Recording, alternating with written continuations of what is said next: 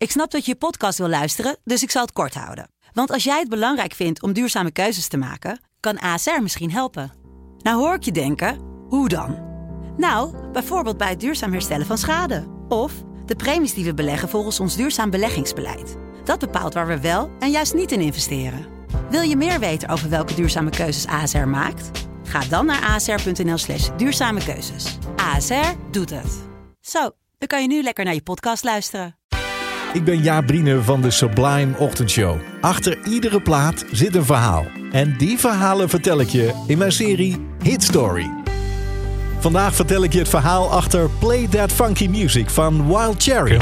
Sublime Ochtendshow. Hit Story. Verhalen achter de muziek. Het is 1976 en Rob Parissi zit met de andere leden van zijn band Wild Cherry in de kleedkamer.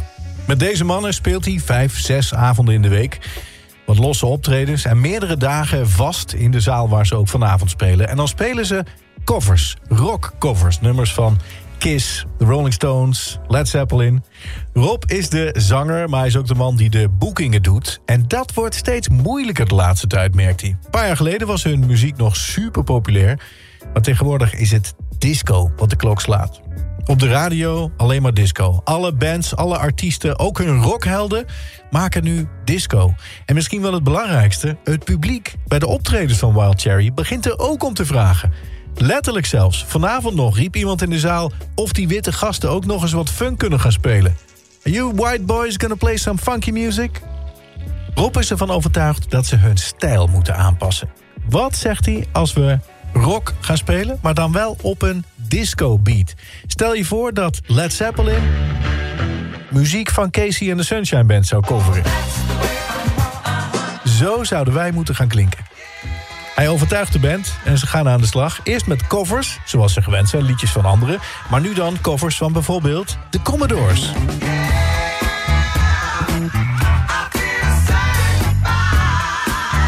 I Feel Sanctified is dit. Van Wild Cherry dus, Rob Parissi met zijn band.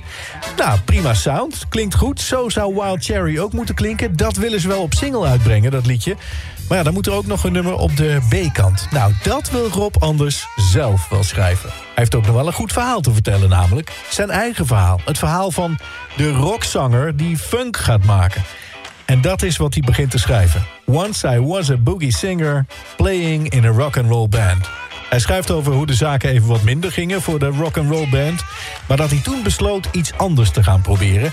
And I decided quickly to disco down and check out the show. En Rob verwerkt zelfs nog hun ervaring van die avond erin. Van die jongen die tegen ze riep vanuit de zaal. Somebody turned around and shouted... Play that funky music, white boy. En Rob's plannetje slaagt. En hoe? Bij die platenmaatschappij zeggen ze dat dat nummer beter op de A-kant kan. Dat is veel leuker dan dat Commodores nummer. En het wordt een enorme hit, wereldwijd. De coverband Wild Cherry is nu ineens zelf beroemd. Andere artiesten coveren hun nummer. Na een paar jaar toeren en platen maken valt de band uiteindelijk uit elkaar eind jaren 70. Maar zanger en bandleider Rob Parissi zal nooit meer teruggaan naar de rockmuziek waarmee hij begon. Play that funky music till you die.